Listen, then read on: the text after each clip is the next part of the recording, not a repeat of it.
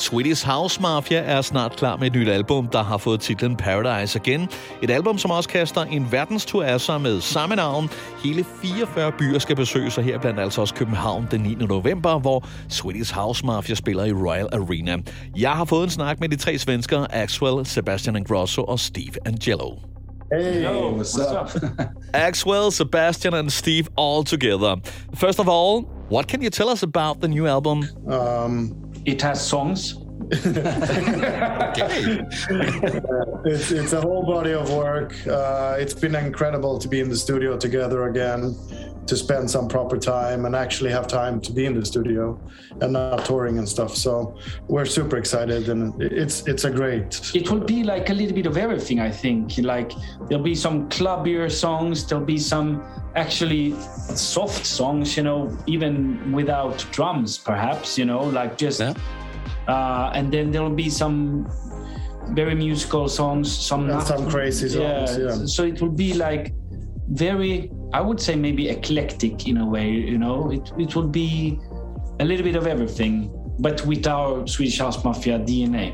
Has it been a, a, difficult or easy process to produce this album?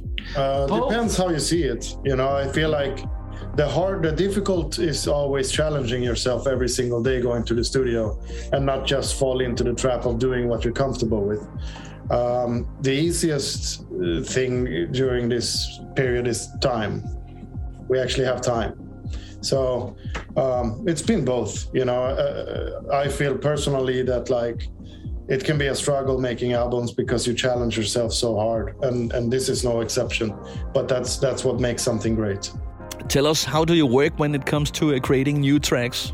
You know, you can start from an idea of a drum or piano, or we can all sit in a room, or like it, it every every song is different. What do you hope your audience gets out of listening to this album? Emotions, love, happiness, ecstasy, um, you know, euphoria. Was it difficult when it came to finding this uh, new sound? No, I think that's the natural progression of a human being. You know, um, the world has changed every. The world changes every day. So obviously we're gonna change. We haven't been frozen in time, you know. we obviously our our internal ego says develop, you know, because you have yeah. to like move forward you learn new tricks every day. Like as a musician that's that's the the crazy thing about it. Is like every single day i go to the studio there's something new that i learn. And that that has to come into account when we make music. We learn every single day. We're still like noobs and rookies in this you know? You learn sing every single day you learn and you want to take that in the future. Have you all been a little bit nervous uh, about uh, disappointing some of the old fans with this new sound? No, I think if you start making music for other people, you're gonna disappoint yourself. Plus, also, like, we are sure that our old fans love us enough to continue with us on our journey, you know, so we trust them. We trust them that they trust us. Congratulations on your latest uh, track, Moth to a Flame. What is the story behind? Um, we belong to the same family. We have the same manager. So we got introduced. Uh, he was a big fan of us. We're obviously a big fan of his. So it started out as friendship and then it built into a studio of magic. Um, super organic and like it's just super great energy. But does he know you call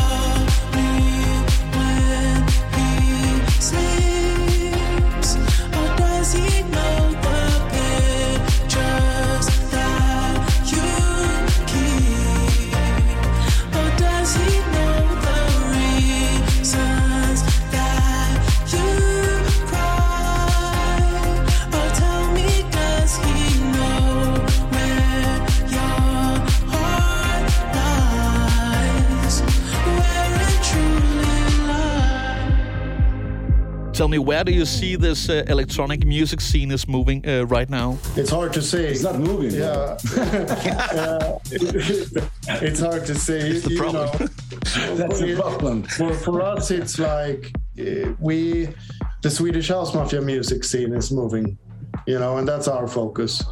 Um, if a genre stops or halts or struggles somehow, it, it that's not up to us. You know, we're gonna do what we do and develop and push things forward and be creative and always push the boundaries. And that's the Swedish House Mafia world. Um, you can always expect the best. When you stopped back in the 2013, you stopped on uh, this uh, EDM wave. Was it a, a difficult decision? I I don't think it was at that time. I think we all felt that that needed to happen, and uh, there's a lot of things playing into the decision. But like, we're more excited now than we were back then, and we're hungrier now. I clearly remember that I actually uh, got a little sad and, and thought, oh, the party is over. But tell me, uh, what made you decide to meet up again after six years uh, break?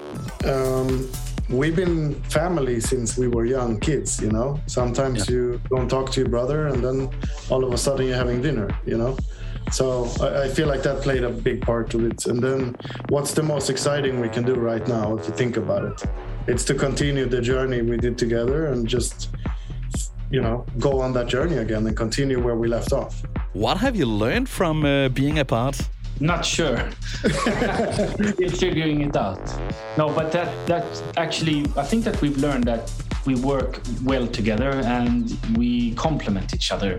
Um, and whenever all three of us like something, it's, uh, it's most of the time it's good.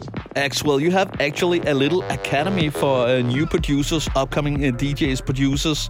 What is your uh, best piece of advice for an upcoming DJs and, and producers? Uh, well, I think that just try and be unique if you can, you know?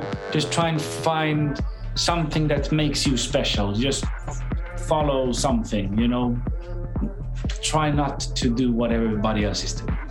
Okay, it's gonna be a little bit nerdy, but what is your favorite uh, plugin? Right now, what is the favorite plugin? I mean, it varies obviously, but I think that you know one very useful thing that we use a lot is uh, iZotope Neutron. I would say that that is very good. Have you considering develop a plugin like Dada Life or Infected Mushrooms yourself? You can have, you know, five guitar amps to create something, you know? So we kind of, the process is kind of building plugins, but we do it in a, in a different order, you know? And, uh, it would be interesting for sure. What would you like to be better at in the studio? Oof. Speed. Because when we sit together, the three of us, we have so many ideas at the same time. So it would be nice to be able to get them all down really fast, you know? Because it's three brains um, coming with ideas at the same time. We need AI. Yeah, somehow like just faster, faster, faster. We Makes need sense. to build a robot with AI. Yeah, speed up the input Yeah. somehow.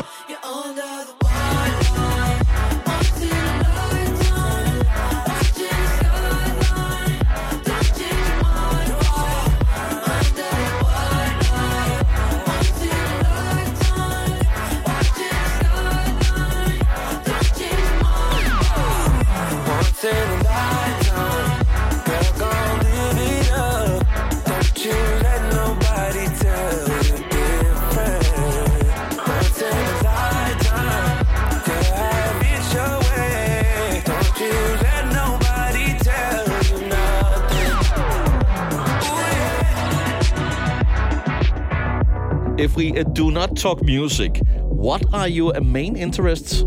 Do you have uh, any kind of hobby? No, not yet. Are you collecting something? Do you binge TV shows or what? What do you do in your spare time?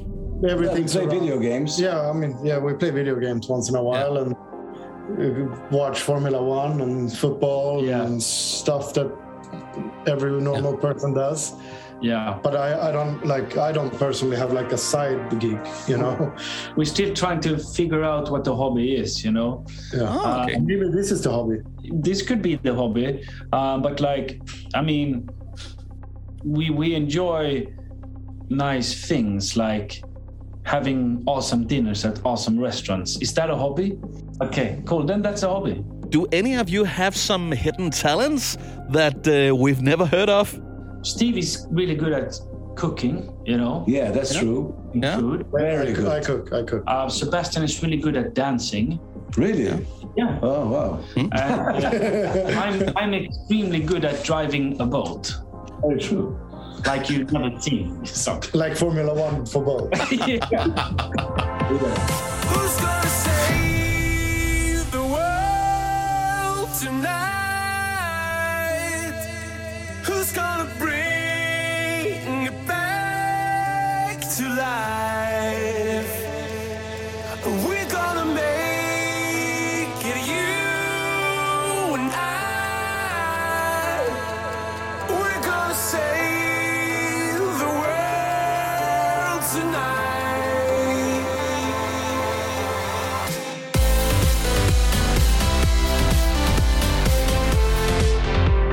Going on a big tour this year, Paradise Again World Tour. What can you tell us about this upcoming tour? I mean, we have a lot of time to prepare, and we're gonna. We've been starting to work on the tour already. So, show-wise, you know, we're it's gonna be incredible. You know, um, we've never had this much time to plan something ever. So this is like it's gonna be worked into this tiniest little detail. What do you hope your audience get out of uh, experiencing uh, a Swedish House Mafia concert? We can, Hopefully they have the best time of their lives. yeah, yeah. we can only we can only work towards them walking away, and like Seb said, that they would have the best night of their lives.